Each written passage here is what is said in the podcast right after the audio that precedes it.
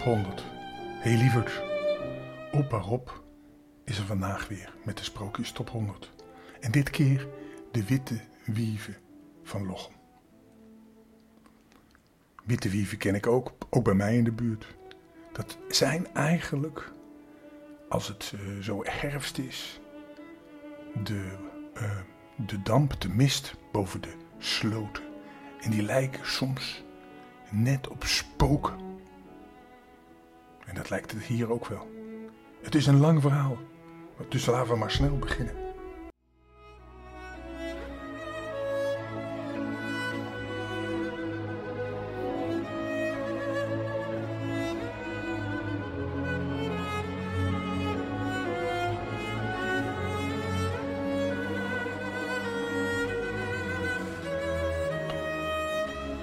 De witte wieven van Lochem. In een diepe kou, even voorbij Lochem, dicht bij Koerbelt, leefden eens drie witte wieven. Die zussen waren in hun lelijkheid, met hun ontvleesde armen en hun lange grijze, dunne haren. Het zijn dus een soort van uh, spoken. Hun ogen lagen diep en hun tanden staken uit als bij een geraamte.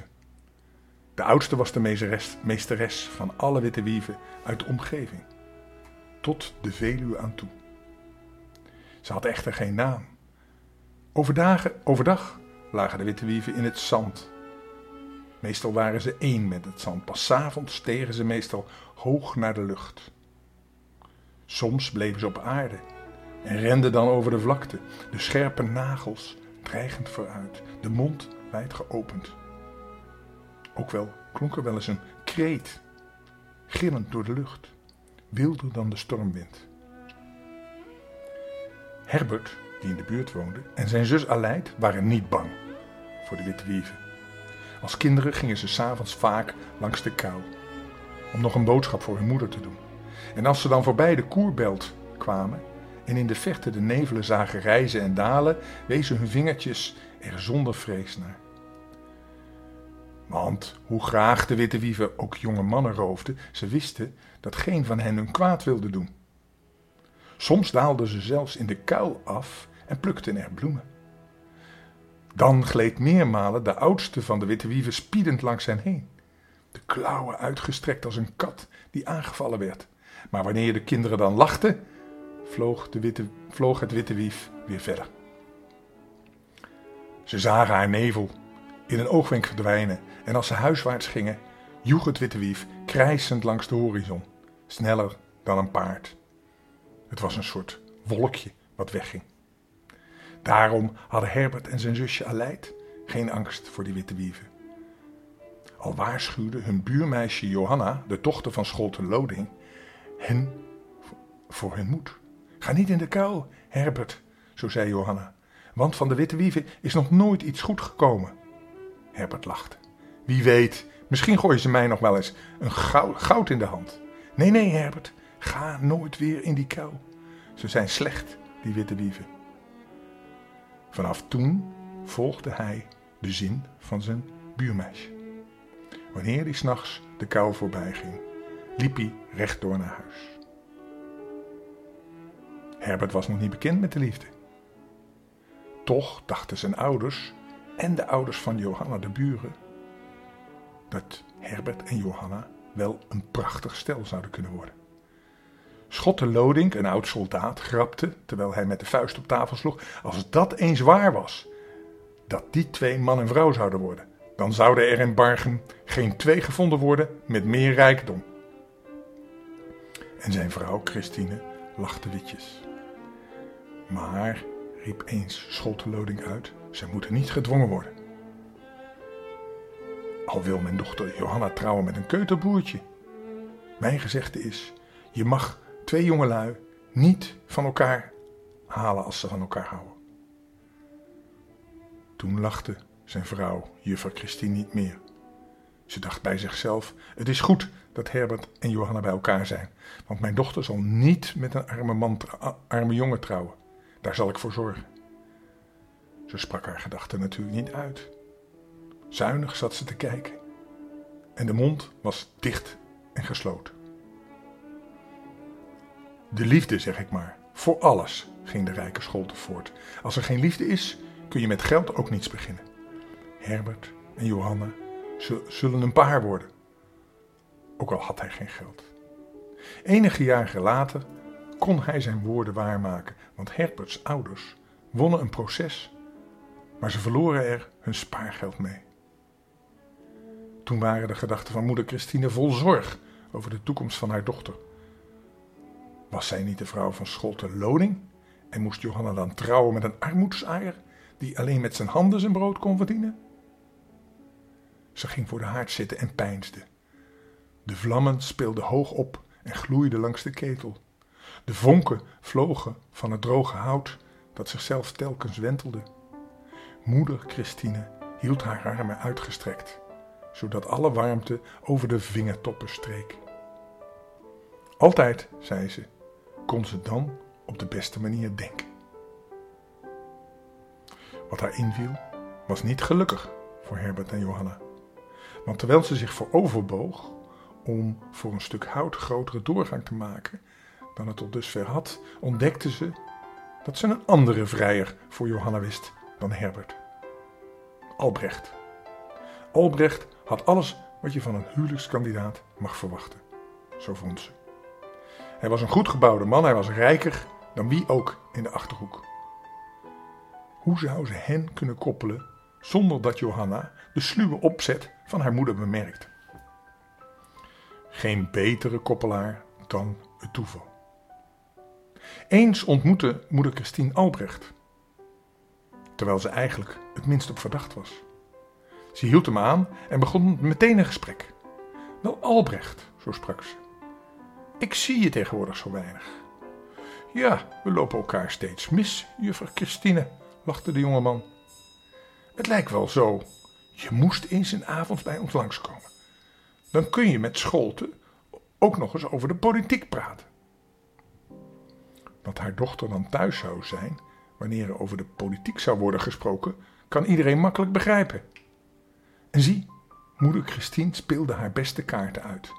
Want Johanna was die avond op haar blozendst en op haar mooist.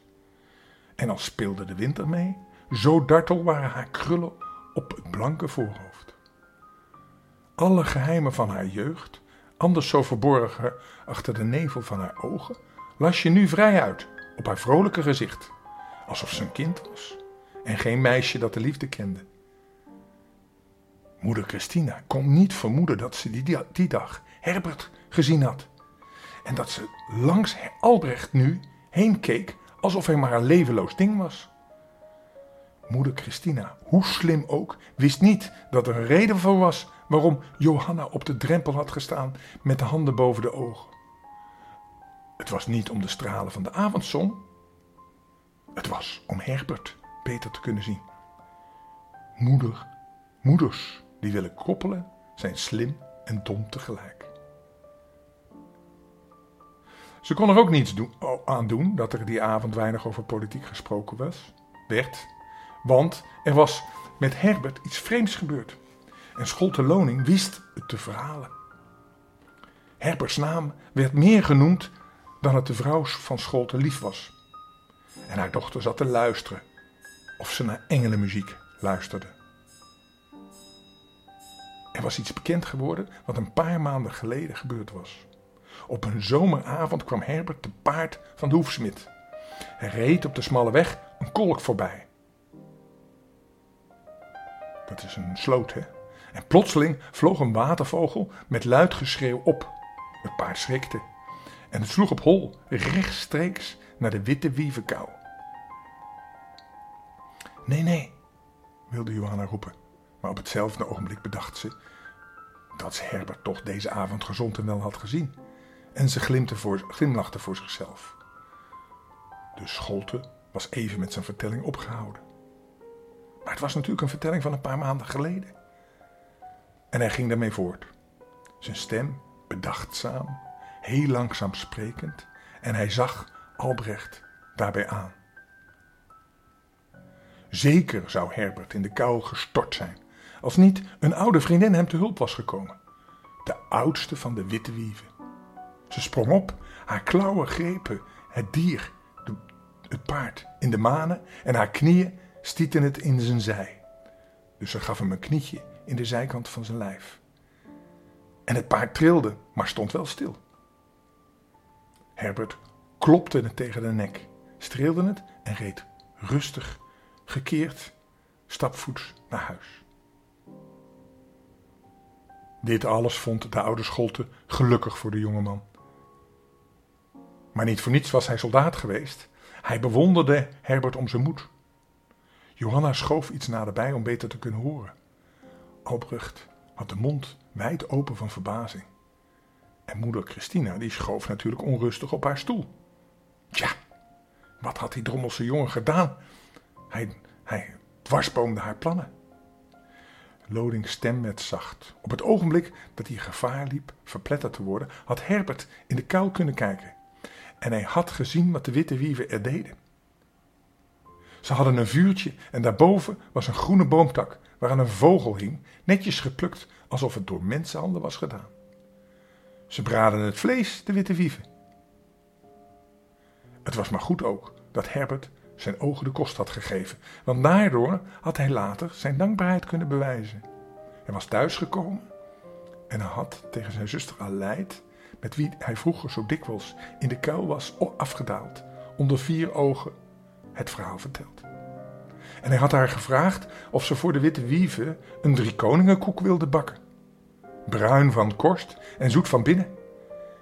En dan zouden ze die bij zonsondergang gaan brengen. Aleid had geglimlacht. Was dat alles? Ze wilde nog wel meer voor hem doen. En toen hij haar had gevraagd of ze alles netjes voor hem wilde klaarmaken, had ze hem aangekeken en gezegd: Natuurlijk wil ik dat doen, maar onder één voorwaarde. En die is dat ik mee mag naar de Witte Wievenkuil. Aleid, riep Herbert angstig uit. Dat niet. Denk je dat de witte wieven je kwaad doen? had ze gevraagd. Dan wil ik het gevaar met je delen. Vroeger hebben we bloemen geplukt. Herbert, tot Johanna je vroeg niet meer te gaan, dacht je, dacht je nou echt dat ik nu bang geworden zou zijn? Dagenlang van zelfopofferende strijd had, hadden ze gekend. Aleid had gewonnen. Ze bakte een geurige driekoningenkoek en deed hem in een aarde schotel. Ze omkleden hem met klimop, zodat de aardeschotel bedekt was. Het scheen of ze haar gaven met een krans van groene bladeren aanbood. Ze wilde de koek dragen tot aan de groeven. En dan Herbert bracht ze toen naar beneden. Haar hart klopte wel van angst toen ze, toen ze zag dat dichtbij van onder een struik zich een groot hoofd naar voren schoof en een groen oog haar bestaarde. Maar ze hield zich moedig en rustig. Nadat Herbert weer boven gekomen was, schreed zij naast hem naar huis. De volgende dag was Herbert naar de kuil gegaan. In de diepte had hij de aarde schotel gezien. De klimopbladeren lagen ernaast. Toen zweeg Scholte Lodink in zijn verhaal. Hij knikte even zijn dochter toe en wendde zich vervolgens toe Albrecht. Wilde hij de jongeman iets zeggen? Zijn dichte wenkbrauwen had hij hoog opgetrokken en er lagen rimpels in zijn voorhoofd. En hij had diepe groeven om zijn mond. Na zijn verhaal was het gesprek tussen moeder Christine, Johanna en Albrecht verstomd. Er was maar één woord in hun brein. Maar die was heel verschillend van klank. En daardoor konden ze eigenlijk niet goed meer praten. Herbert, dachten ze allemaal. Moeder Christine dacht het met woede. Haar man, de scholte, had de vertelling al wel eerder gehoord.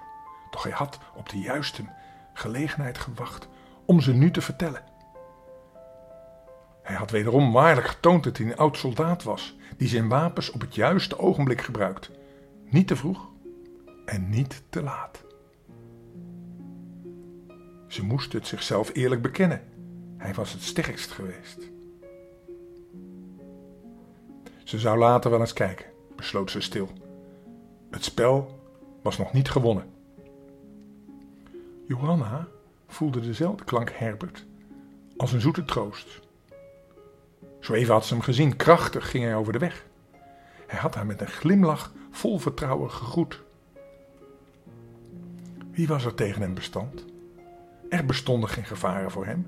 Zelfs in de witte wievenkuil was hij gedaald. En waarom? Om zijn dankbaarheid te bewijzen. Goed en moedig was hij in zijn hart. Welk meisje verlangde daar niet aan? Welk meisje verlangde niet om door hem beschermd te worden? Albrecht zat naast haar en het woord Herbert was in zijn bewustzijn gelijk als een vloek. Terwijl hij het mooie jonge meisje aankeek. Hij haatte de dapperheid van Herbert. Het leek hem of Scholte Lodink hem minachtte toen hij Herbert prees.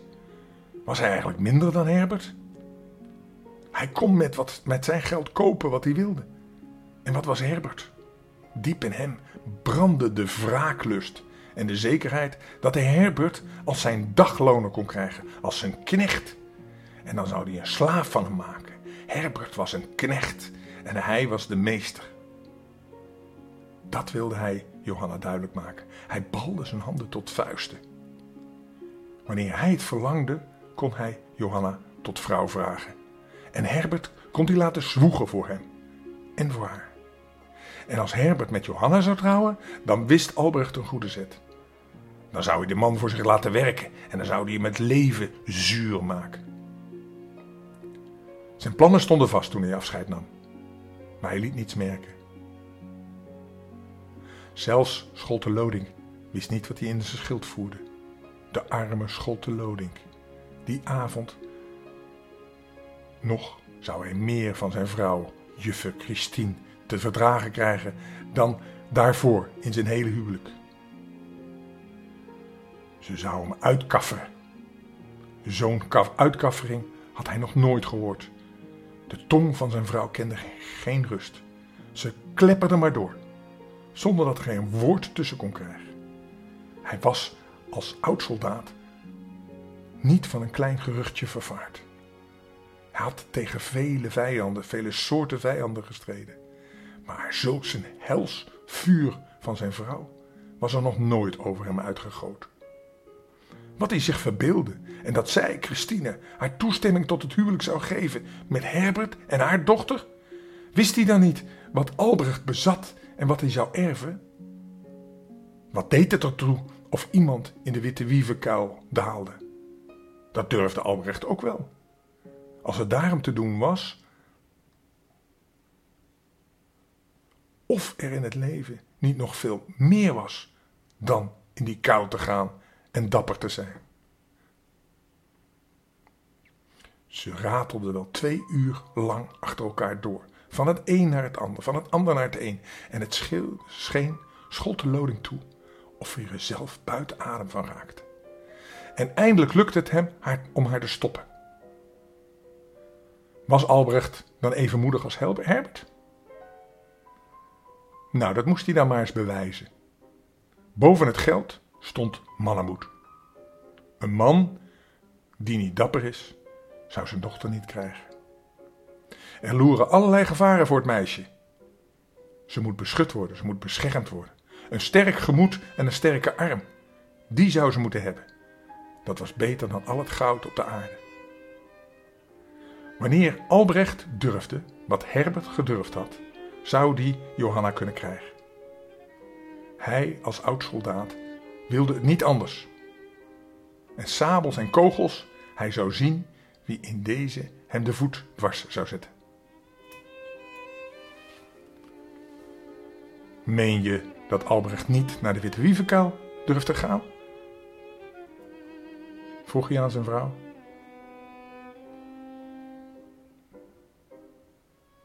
Nee, dat durft hij niet. En ik zou ook niet weten wat voor waagstuk daaraan was. Ze klemde haar lippen op elkaar. Tot haar mond tot een nauwe gleuf van een spaarpot leek. Er kon nog wel wat in, maar eruit kwam er niets meer. Haar woorden hadden Scholte Lodink op een idee gebracht.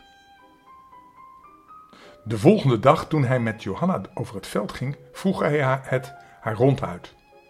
Wie vind je leuker, Herbert of Albrecht?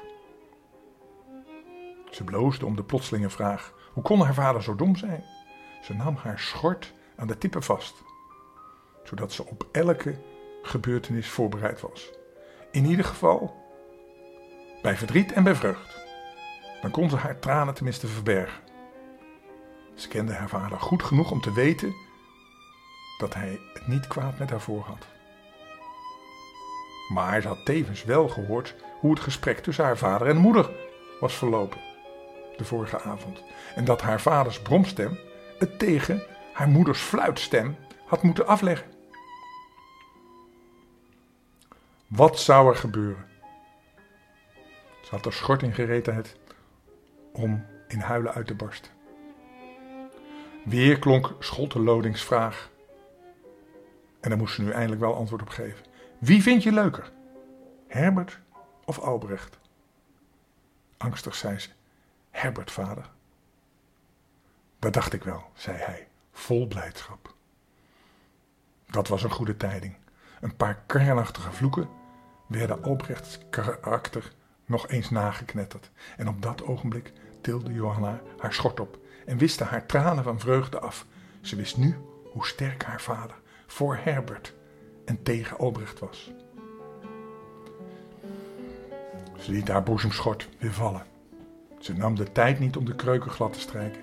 Ze legde haar wang nat en wel tegen het behaarde gezicht van haar vader. En ze smeekte: Vader, help me. En hij zei: Dat zal ik, mijn kind. Hoe eenvoudig waren haar woorden waarmee ze hem zei hoeveel ze Herbert lief had. Gelijk een vogel in mei. Die is ook eenvoudig in zijn lied, diep in de liefde waarmee hij het zingt. Zij hield van hem. Het was alles overgave en verwachting. Want het allereerste van de liefde is dat ze meer verwacht dan verlangt. Toen sloeg de oude Scholte zijn armen om zijn dochter heen. En ze hadden beiden het gevoel, vader en dochter, dat ze kinderen waren. Was het leven anders dan een lichtspel? Geld had geen macht. De wereld was als een weide waarop men slechts kransen kan vlechten. Wie slecht is, mag niet meespelen. En ineens begrepen ze het beide. Het was maar een droom. Het leven was vreed. Moeder Christina had al degelijk wat in te brengen. Scholte Lodink kwam met zijn plan voor de dag. Moeder Christina had gezegd dat Albrecht even moedig was als Herbert. Dat zou hij dan maar moeten bewijzen. Hij zou dus van beide minnaars eisen. Te middernacht moesten zij naar de Witte Wievenkuil rijden. Herbert van de westkant, Albert van de zuidkant. Als ze de groeven waren genaderd, moesten zij beide een haarspit, dat is een stuk ijzer, in de kuil werpen.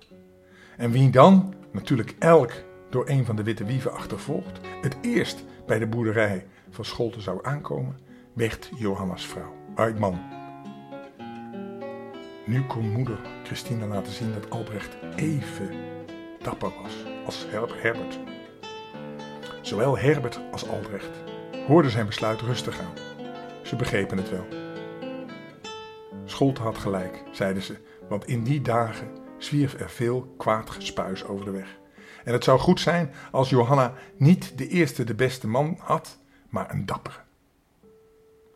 Albrecht dacht bij zichzelf dat het makkelijker zou gaan dan hij zich had voorgesteld. Hij hoefde niet in die kuil af te dalen. Voor zijn geld kon hij een heel goed paard, een edel paard kopen. En Herbert had maar een oude bles. Slechts eenmaal in zijn leven had hij zichzelf tot een flinke daad gedwongen. En bij slot van rekening betekende deze ook niet zoveel. Hij kocht van een koopman het allerbeste paard. Hij besloot stil en sluw in zichzelf om de haarspit van verre af de kuil in te slingeren. Dan wilde hij wel eens zien of het witte wief hem zou vangen. En of hij niet als allereerste bij de hoeven van Scholten zou aankomen. Herbert dacht niet zo ver. Hij had maar een oude knol en hij begreep goed dat hij met alle macht had te rijden om niet in de macht van het witte wief te vallen. Toch wilde hij voor Johanna alles volbrengen en rustig reed hij op die bepaalde avond van de westkant naar de kou. In de verte hoorde hij hoefslagen. Albrechts paard naderde dus ook. Hij dreef de bles met kort woord aan tot hij vlak bij de groeve stond. Albrecht was er nog niet.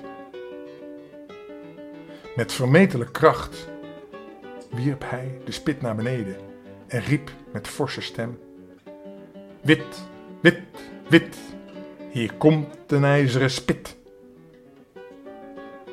Woest eilde Bles, eilde Bles, zijn paard dus, de berg af.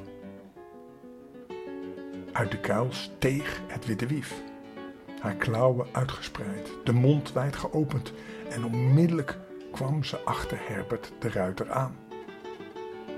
De stormwind sloeg, stak op en sloeg het graan naar beneden. De takken van de bomen kraakten.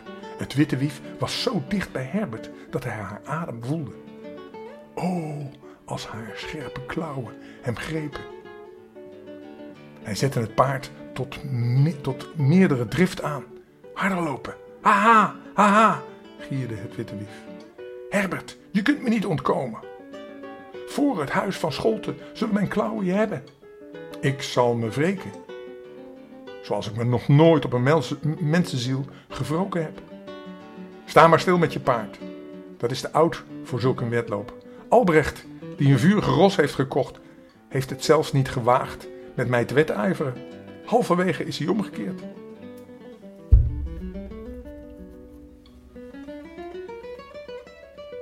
Als hij het witte wief moest geloven en zij hem met deze woorden wilde tegenhouden, vergiste zij zich. Nee, in tegendeel. Dat Herbert gehoord had dat Albrecht had gefaald, gaf hem reeds de macht van de overwinnaar. Was zijn paard te oud? In de meester was de, was de moed aanwezig, in het dier de angst. Vooruit! Hij voelde al even haar klauwen langs zijn nek, schrammend. Toen hij het erf van de loningshoeve opreed, een hard voorwerp suisde hem na. De witte wieven holden naar de kuil terug. Hoezee! riep Scholten. Moeder Kerstin zei niets. Haar voorhoofd bestond alleen maar uit rimpels.